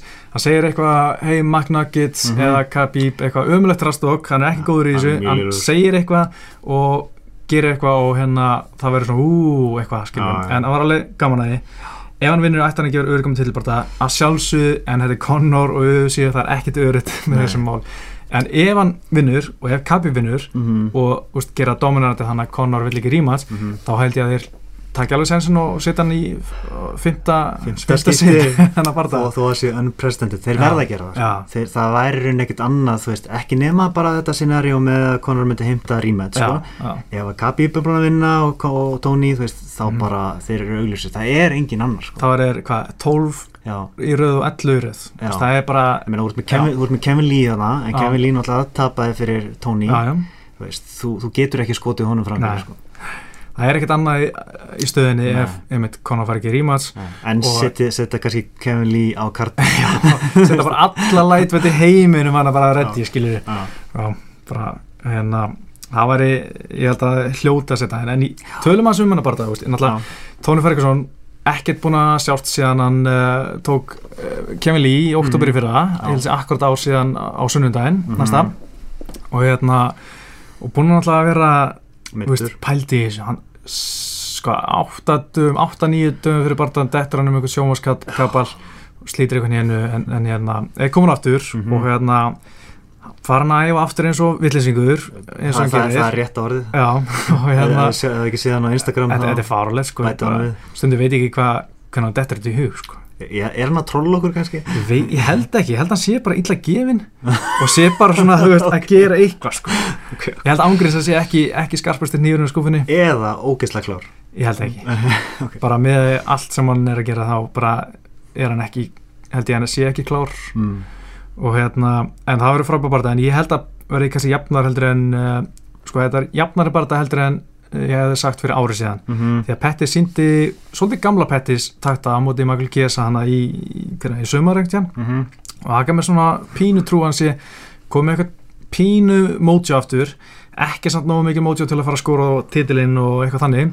En ég held að hann muni gera þetta að pínu dogfight og, og byrja mjög vel. Eh, Fer- Ferguson byrja mjög hægt. Já. hann uh, lætur oft bara aðeins kýla sig þá hann vaknar sko. Mm -hmm. uh, Tony Ferguson tekur þetta eftir svona segja dars eða eitthvað í þriðlútu Já, uh, Pettis virðist allan undanfærið virðist brotna já, og um, ég veit ekki hvort að, hvort að þetta sé algjör breyting hjá hann núna alltaf Mm. eins og varst að segja með síðast sko, en, en ég býstu þetta verði erfiðari barndaginn margir halda af því að Pettis náttúrulega hann er reynslubolti og Mm. veist, ef hann er með sjálfströst og er í lægi þá, þá er hann einn af þeim bestu og, Mhm. og þetta eru geðu ekki stílar veist, saman en ég held að, að eh, Tony sé bara of, of góður veist, hann sé bara Já. miklu betur en hann á þessum tímapunkti já og hann mun alltaf vinna, bara spurning hvort hann á að finna sér mm en mér, ég held að þetta sé efn, efni í virkilega geggjaðan bardaðar sko. já, algjörlega og mér finnst líka sko með Pettis, hann talaði um hann allar að hætta að vera reyna að vera wrestler mm. bara basically leifa mönnum að taka sér niður Já. og reyna að söppa á bækinu eins og koma honum svo langt sko, af því að hann vill treysta á júitsu sitt og allt það sko mm. og ég held að það gæti verið svolítið skemmtilegt svona skrambúldæmi í gólfunni að ef Tony Ferguson fer í eitthvað teikt og ég meina uh, Andrar Pettis sem er drullu góð spörk sem geta hitt í skrokkinu og meitt Tony Ferguson og ég held að þetta sko. ég held að þetta getur verið mjög góð barða en, en ég held að, að, að Pettis brotni of öðvölda niður sá hann hann að veist, vera alltaf í höndum mínum brotin eða eitthvað, Mm. alltaf fer, svona smá panik eða gengur ekki vel sko já, að hérna sé eitthvað ennþá smá andlegar uh, hvað sem er hindranir og hans vegi áður hann verður einhver gamli petti sko. Já, en hann er betri en hann var núna held ég og Já. hérna það verður hörkupartæ já, ég vil samt segja veist, að, að það kæmir ekki óvart Já. að Pettis næri að púla þetta off Já, sko. hann væri, væri típist eitthvað sko. Að að, já, mér finnst það svolítið típist sko, þú veist, hvað er hann búin að vinna röð eða eitthvað. Ferguson eða eitthvað. Mm og þetta er hættulegu meina, Pettis, hann kann að sparka hátt. Já. Manstu og e, bara, veist, Tony Ferguson á móti Lando Venata, Já, akkurat, ég var einmitt að vera að segja. Bardagi sem allir held að er þið easy bara. Já. og hann var bara mjög tvísýtt og ég meina, Tony er mjög svona kærulegs oft, hann bara lappar áfram með hökun áttu uppi og getur högg og er bara drull, já, kannski bara kemur sköflugur í hausun og hann bara, herri, ég get ekki getið þetta, búm. Ég meina. Pet, Pettis er einn af þeim fáu sem bara getur skila sköplingi haus Já. mjög öðvöldlega sko, og með, miklum hraða Já. nákvæmlega sko. það væri, hvað gerast þá, ef Conor vinnur og Í- Pettis vinnur? Já, þá geti, þá geti mögulega Kevin Lee skotist fram fyrir ég held að Kevin Lee sé ekki náðu stór fyrir Conor. Nei, nei, en, þú veist, svona hver væri svona í gókkunaröðinu næsti, næsti þá held ég að Conor fari í DSB eða Já. útli sko En svo náttúrulega X-faktorn í allir þessar umræðu sem að, já, ég veit ekki með setna í spurningunum, það er 165. já, það er einmitt næsta spurning. Hlynur Hjartarsson, hvað er að frétta með þessu 175 pund og 175 pund flokka? Já, Ok, það er náttúrulega flokkan þetta, léttvitin er 155 pund, mhm, veltvitin er 170 pund, svo kemur 185 pund að millivitin. Og það eru 100 bardamenn í léttvit, 100 í veltvit Mm. og ógeðislega mikið talent í þessu flokki. Þetta er náttúrulega bara það þingdar bil sem flesti kallmenn eru á, mm. ekki að, að séu 70 kíló, það er náttúrulega aðeins þingar en 70 og 75 til 85, mhm, skilur cirka. Já. Og hérna, og ég var ógeðslega mikið til í að sjá auðvitað breyta veltvitinni í 175 pundaflokki Mhm. flokk, það myndi ekki hafa mikil áhrif held ég á Tara Woodley, nei, breyti svo bara í 175 pund, 5 pund. já, munur ekki það miklu og gera bara 165 pund sem kalla eitthvað létt veltivit eða super léttvikt eða eitthvað þannig Mhm, og það væri geggjaðflokkir flokkur, við værum með gæja eins og úr veltivit eins og Gunna, Já, Horka Mastadal mhm, uh, Michael Chiesa. Mhm. Khabib, Pottet. Kevin Lee, já, Kevin Lee er alltaf að tala um þetta, Mm. TSP Conor, Mhm. og veist, þetta er rugglega flokkur sko. Sko. Paul Felder. Já, og svo kannski gæjar úr millivit sem Já. fara úr millivit í 175 pund. Þetta opnar svo mikið, sko. Ég já. sé einan ekkert neikvæmt við það fyrir utan að UFC vil ekki breyta þessum sögufræða þingdaflokki veltivitin 170 pund í eitthvað 175 pund ég held að það sé svona veltivitin er bara veltivitin og viljum ekki breyta. Já, ég kaupi samt ekki alveg þau rauk og Nei. ég skil ekki alveg að, að, þeirra mótspilnu í þessu. Þetta er svo mikill no-brainer. Já, að sjá það allir og þeir eru alltaf bara "Ey, okkur vantar að fleiri titilbarta og fleiri belti. Þarna eru belti og þú getur Já. þess vegna bætt við 195 þú veist, að það er þið þunnur, ég veit að það er þunnur flokkur. já, já, já, en þú veist, þú hefur möguleika og, menna, og líka bara svo lógist að hafa bara tíu og milli allra flokka. Þetta, er svo, þetta er svo skrítið hvernig þetta er núna í rauninni einmitt En Fimm- væ- 15 já. pund þarna og já, Já, einmitt, það eru frekar skrítið að vera með 15 pund á þessu bila sem eru bara flestir kallmenn, skilur við eiginlega, eru þetta bara mjög eðlið þyngd, mjög, mjög slæmt fyrir suma sem bara, sem, þetta, sem er eitthvað minn hann á milli sko. já, en þetta er líka sko, var svo típíst auðsí Já. að setja 165 pund af flokk, mm. bara til að bjarga einhverju main eventi og auðsí 230 já, ekki til þess að hugsa um eitthvað hilsu bardamanna til að stoppa Mhm. veitköti nei, henni, bara við þurfum að bjarga þessu eina korti hérna, við þurfum að bjarga bardagkvöldinu búið til nýja þingtaflokk það eru tækifæri sinna það er bara það væri svo típist Já, en þú veist, ef það er það sem þarf þá, er ég til í það. Þá þurfum við líka að breyta velti við til 175. Já, Ekki- það gengur ekki með 65 og 70 sko, Nei. það væri fárlegt sko. Uh, Jón Brynjar Björnsson spyr hérna, er þetta ekki líklegasta scenarið eftir barðan uh, Conor vinnur, Conor mæti DSP í Superfight Khabib vs. Tony um num- number one contender Mm. uh, Khabib vinnur, Khabib mæti DSP Superfight, Conor vs. DS3 Jú, mér finnst það bara nokkuð líklegt sko Nefna mér finnst ekki líklegt að Conor vinnur, en alltaf. Ef Conor vinnur, ef Conor vinnur Mér finnst það, ég ég myndi segja líklegast að Conor mæti Su- Superfight en þetta langum mest að sjá Já. Tony Ferguson bara En það er búið að tísa GSP svolítið. Já. Og það er ástæði fyrir því að hann er að létta sig. Já, já, Og þú veist, uh, Firas, hann að Að að, að GSP er tilbúinn, já, en hann tekur bara, veist, svona vænasta tilbúið já og það er alltaf ekkert betra tilbúið en, en Conor, sko. Nei, nei, en hann alltaf var mjög reyns, raunsar hann í einhverju viðtala á döðunum og svo sagði auðvitað er ekkert eitthvað ógeðslega spennt fyrir að fara í business um það því þið vita að ef ég vinn eitthvað belti get ég bara farið sko. Hei, sem er held ég það sem hann ætlar að gera og Já. Conor örgulega líka sko. ég kaupi ekki þau rauk. Ég held bara að þú veist, UFC hugsa bara um dollarana, Já. skýt sama, ég meina þá bara setja bara Já. laust belti næst, ég meina, ég, ég held að það sé ekki vandamál. Já. Halda er að, já, ok, nú veit ég ekki, heldur að Brock Lesnar sé að fara að verja að funga á þetta belti. Nei, það mjög góð mjög punktur Já, uh, sko það er Gúfkon 1 líklegt á Dana White ef Khabib nær ekki vikt mhm. uh, það var allir brjálæðir ekki bara Dana, það var allir brjálæðir hann Ég missi bara- svo mikið sko bara fólk eiginlega á svona sementar að gefast upp bara á hann bara, já, ég bara, ég veit ekki alveg, já, ég get eiginlega ekki að hugsa það að hugsa til enda, sko. Nei, ég held samt að úst, ef hann mætir í viktun eins og við talum á hann þá verður bara það. Bara, Ef hann er ekki bara að deyja, sko, já, já, nokkuð þú veist, hann er ekki bara borin út, sko. Já, ég man ekkert í hann í viktunu þannig að ég sé í London þegar Gunni var að berast í Alan Joban þegar ég sá gæja að vera sko, hann var nær, örgulega nær döðan lífi hann á viktunni já, og ég hugsaði bara dísuskræft, það var svo skerið sig á þetta með byrjum augum, já. var náfölur og svona gæt valla staða viktina og svona sem ég haldunum Mm. vikta sinn og svo bara, herru, bara það er bara svona Já. engin hissa því að hann leitið þessu lík og hann hætti bara, hann Já. hættur Það þarf að finna ykkur að lausna á þessu Já. viktunar dæmi, sko, eins og, Já, herri, næsta spurning Hörður Áspjörsson spyr hvað er að Gunna, er hann að fara að fá er hann að fara að keppa fyrir áramót ef það reynist vera svona erfitt fyrir að fá barða þessari vikt ætti hann að færa sér niður í vikt. Ok, hvað er að frétta Gunna, hann er orðin heill og hann er að leita barða, Mhm. það er uh, ég held ég sé ekki að upplustra neitt en það er spjall við auðvisi um að finna barða, já, þetta er í vinslu en það er bara spurning um að finna, þú veist rétta anstæðingi skilju og, og ég er svona 90% við sem að hann fá barða fyrir lókárs hefur þú heyrt um eitthvað sem hefur verið svona talað um að ykkur alvörur? Já, Ok, en þú veist, það er ekkert sem er hægt að tala um og, nei, nei, nei. og ekkert svona þú veist, jú, jú, kannski, kannski ekki alvöru en þú veist, ég held að sé mér finnst líklegt að fá barða fyrir Lukas. Já, ég meina af hverju ekki, meina, Já, ég segi það, okkur ekki? hann er, hann er rankaður í top 15, mm en allavega þeir sem eru svona að reyna að komast upp í top 15 ætti að vera æstir í það, sko. -hmm. Hinnir ætti að þóra að berjast í hvert sem er og sérstaklega eitthvað sem að var rótaði síðast, meina, mhm, og kannski er hann minna skeri, mhm.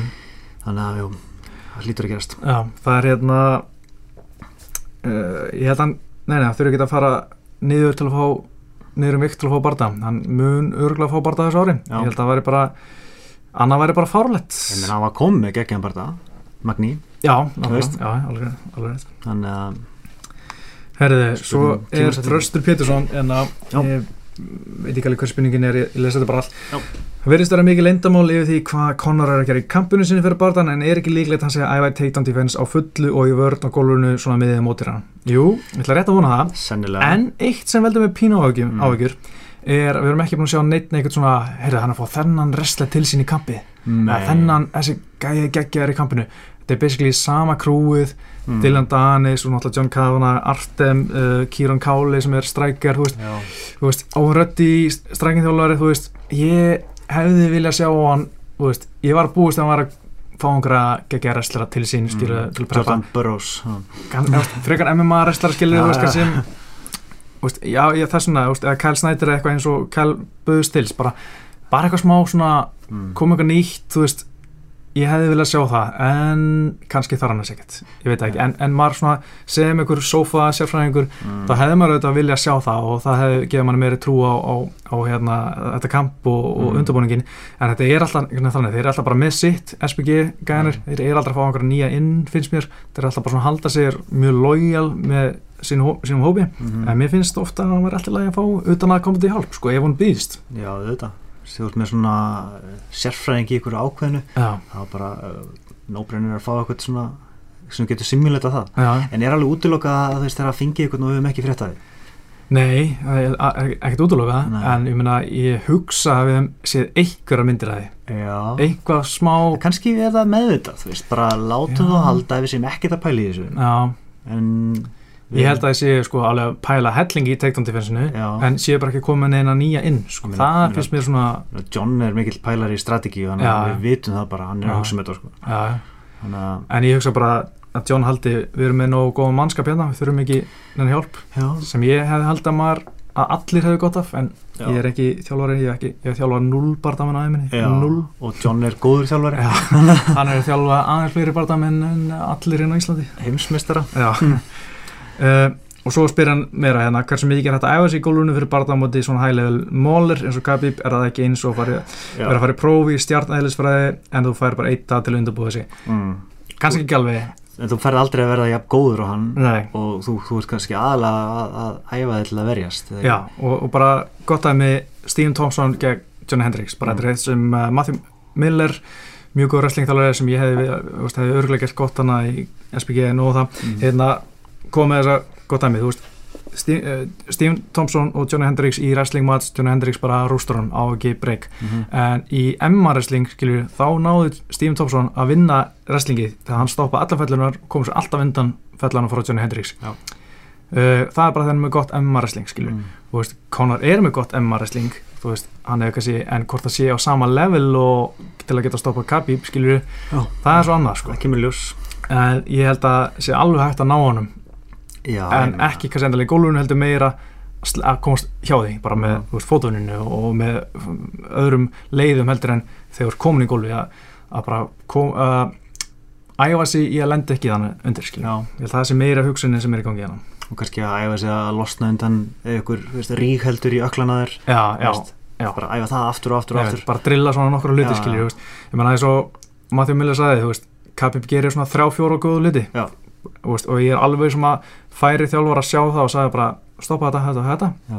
en ég menna, enginn hefur gert það hingað til þannig að kannski er þetta ekki eins einfalt eins og Matthew Miller er að segja en, en ég veit ekki, þú veist allan ekki virkaði hann einu Nei, nákvæmlega uh, Ég held að þessi barndagi fari fimm lótur, ég veist geti það Mm. en mér finnst það líklega að hérna, Conor Roddi í fyrstu tveimur lótunum Já. eða Khabib kláran með svona tíkjá í fjórðu lótu Ég held að Khabib muni aldrei reyna söpið. Ég mun, held að hann villi ekki reyna söpið. Ég held að hann villi, Já. þú veist, smassan til að refsuna sko. Já, hann hefur sagt það, hann Já. vil bara meiðan, Já, hann vil bara pínan ég veit.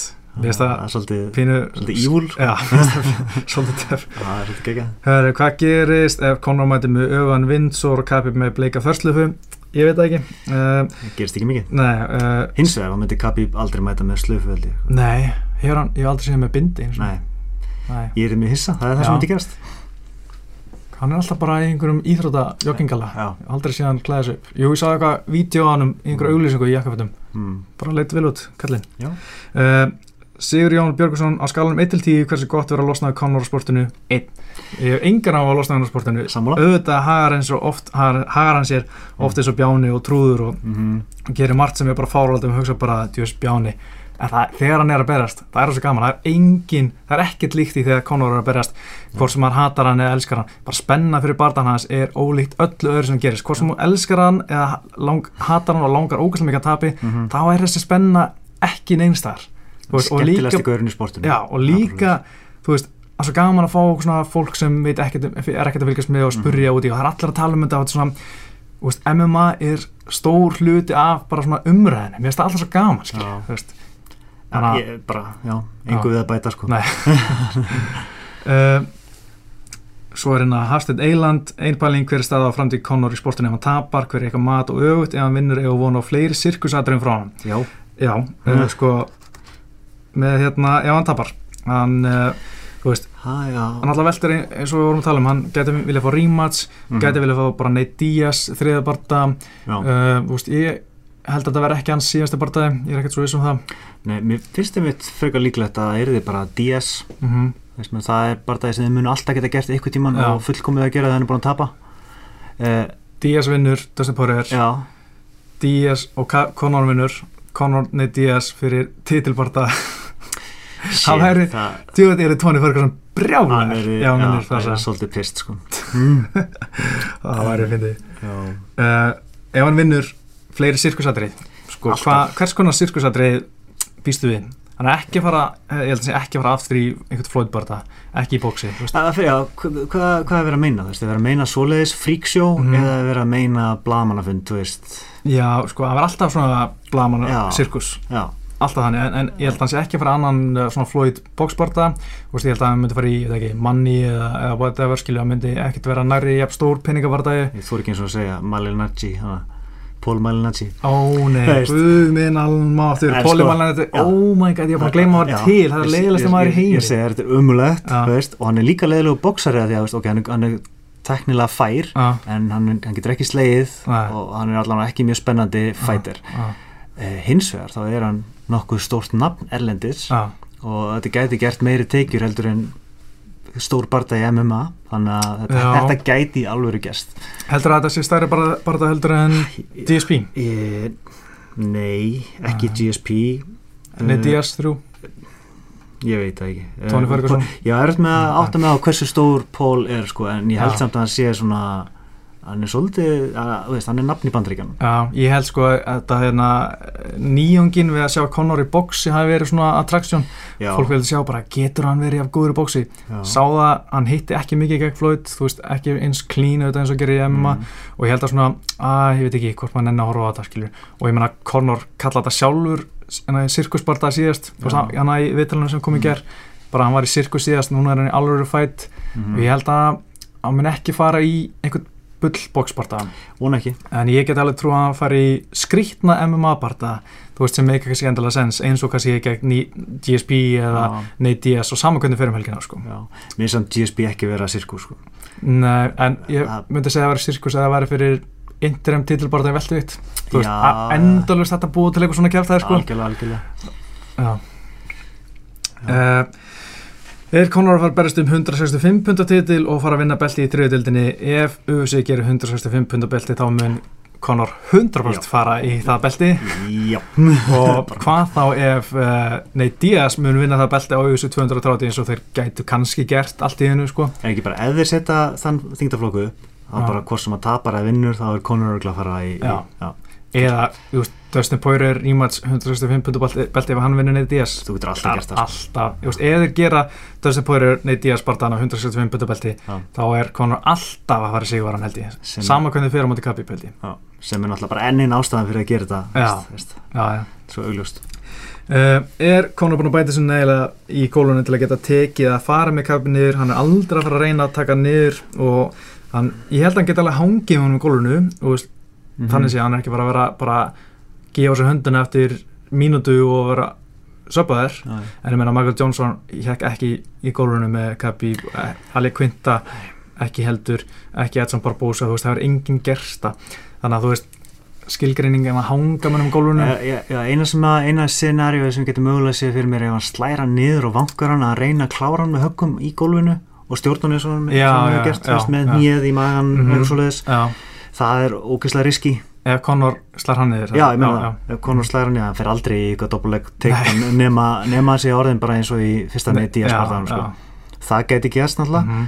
en þ- Conor er nokkuð örugur með sig svona í þessari stöðu að vera í- ofan á í ground and pound já, það gæti gerst ef hann finnst að vera orðin nógu veikur sko. já, já. bara eins og móti Eddie hann er minna Já. stóði yfir honum já, fann höggin og hérna Diego Brandál og hérna eh, Dennis Iver, montaðan já, það Garbas var geggja ég segi það sko. Minna, hann, hann veit alveg hvað hann er að gera í þessari stöðu. Já. en ég meina ef, ef Khabib og Conor myndi mætast í pjúra glímu myndi Khabib alltaf vinna sko. alltaf, Þú veist, en uh, Conor ætti alveg breyk þú veist. Hvernig? Bara þú veist, ná hérna fótalega eitthvað þú veist, já, ég held að sé þú veist, alveg, þetta var ekkert algjört móling. Þú veist, hann ætti, hann ætti pínlítið sens mm, með fótalás, skilur þetta væri svona eitthvað EBI stæl reglur. Ok. En ég myndi samt alltaf veðja á Khabib nei, vá, ég, ég, ég, ég held ég myndi veðja húsinu mínu. já, ok. Uh, þetta er enda mjög góð punktur ég veit ekki, ég tekið tilbaka Alltaf. Conor, Conor á ekki eins mikið breyk en hann á kannski meira breyk heldur en Michael Johnson uh, og Edson Barbosa í kólunum á móti Khabib í Já. pjúra, pjúra glími að við verðum að horfa á þetta þannig sko. algjörlega meiri sens uh, kannski 0,1 í staðan fyrir 0 Já. prosent uh, ok, Robert Már ef þetta verður góð glími þá vinnur Khabib en bóks að vinnur Khabib, ok, mjög góð spurning. Uh, Sævar Helgi Viðsson er auðvitað að mistakast að auðvitað 229 verðist að lítill á í utan MMA heiminn? Hvað veist ykkur um dóminni og John Jones? Tölum við um það líka, að mjög góð spurning. Herru, byrjum á auglýsinguna. Eða bara kynningaræðin fyrir auðvitað 229 og tölum við aðeins um þetta í byrjun. Já, mjög lítið hæp framan af. Eiginlega ekkert. Já, svo kom blagamann fyrir á 15. síðasta. Já. Og nú byrja Fight kemur heldur countdown þáttur í kvöld. Mhm, svo byrja embedded, svo blamannafundur á miðvikudaginn, openæðing á, nei, blamannafundur á fimmtudaginn, Já. openæðing á miðvikudaginn og þú veist, viktun á föstudaginn og þetta magnast allt upp, sko. Ég held Já. að þurfi ekki það mikið promósjón, við vorum að tala um þetta nákvæmlega sama Mm. fyrir setni ADS barðan Já, fyrir, fyrir massan, fyrir Já. alla eh, casual áhörendur, þeir þurfa bara, þurfa ekki að vita þessu fyrir, sko. nei, þetta er bara þessi vika sko, Það er bara, já, er það næstu helgi? Já, Já. ok, já, ok, ég ætla að sjá það.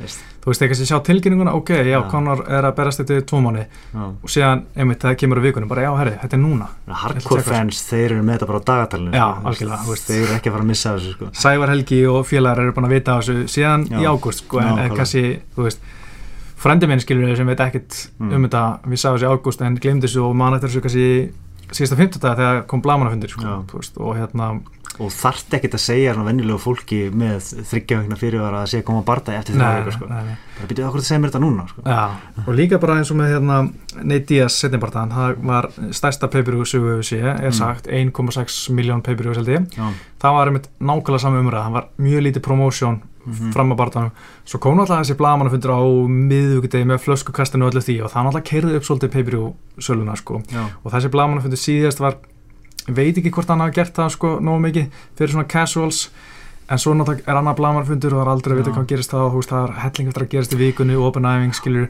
og þú veist að uh, ég held að veist, þetta sé alveg svona það sé bara þessi vika Sá fundur verður með fans, eða ekki? Já. Já. finally Það verður svolítið öðruvísi andurslóft. Þannig að það verður áhugast að sjá hvort að Conor verður öðruvísi, hvort hann Mhm. spilir, hann væntalega gerir það, spilar Já. inn á krátið svolítið. öruglega ekki sósaðir eða svona pínu tipsi eins og að síðast á viskinu heldur hann að vera tipsi? Já, kannski, hann var búin að fá sér eitt reytil á leiðinni Já. svo annan, annar glas á meðan hann var hana Þetta viski er að fá hræðilega dóma, sko. ég sá eitthvað góða Góða dóma? á Flow Combat Ok, ég, ég fór á YouTube og, og googlaði þetta, eða Ok. Og það var svona eitthvað, eitthvað, eitthvað stöð, eitthvað channel sem, sem voru svona nokkuð alvarlega gaurar sem Ok. að, veist, voru að dæma viski nokkuð reglulega, ah, þau voru tveir saman tókuðu flöskuna, held í glas og bara, hm, ok, þetta, þetta lítur út eins og til lita, þeir, Ah. svona diet ah, og, og mjög líklega voru, voru alltaf smakka á leikta og svona svo það er mjög líklega eh, botlað bara eftir nákvæmlega 3,0 ár Já. veist, af því að það er lámarkið til þess að gefa út viski já, ok. Ég, ég vissi það ekki eins og Nei, og fannst bragðið vera bara mjög létt og Já. mjög óþroskað já, ok. og gáðu þessu fjóra af tíu. Ú, Já. já, þetta er skemmtilegt. Og, og, og flaskan heitir Proper 12 sem þýðir vantilega 12 ár. Það er bara líi sko, með já, þetta sko. ok. Áhugavert. er ég skil heldur ekki, þú veist hvernig þetta virkar ef menn er að koma með viski þú veist, í dag, ég meina það er ekki eins og Conor hafa verið að pæla í viski fyrir 12 ára síðan, þú veist, Nei. er eitthvað svona viski verksmenn sem er bara með eitthvað batch svona 12 ára og svo bara býðir eftir rétt aðalum til að búið til að eitthvað mör, vörmerki Það að ímynda sér alls konar scenarió menna segjum bara einhver, einhver, einhver vínframlegandi fær í gjaldrótt já, kaupir það bara, ei, hann er með tunnur sem er búin að vera þarna í 11 ár. Mm, veistu, ef ekki gera við það eitthvað, eitthvað við það á næsta ári, það er alveg, alveg möguleiki mm, eða bara kaupa eitthvað. Já, bara, ei, þetta er lítill framlegandi það er gammal kall sem er að fara í veist, er að fara á meina, það er alveg að ímynda sér það sko, en, Ok. en þetta er greinilega ekki þannig sko. nei ok, þetta er bara bad shit sko, ég hef ekkert vita á viski nei, mm, ekki heldur. Það er viðbjör, uh, það var ástæð fyrir Mér því finnst þeirra þetta að freka gott sko, en ég bara hef ekkert vitað það sko.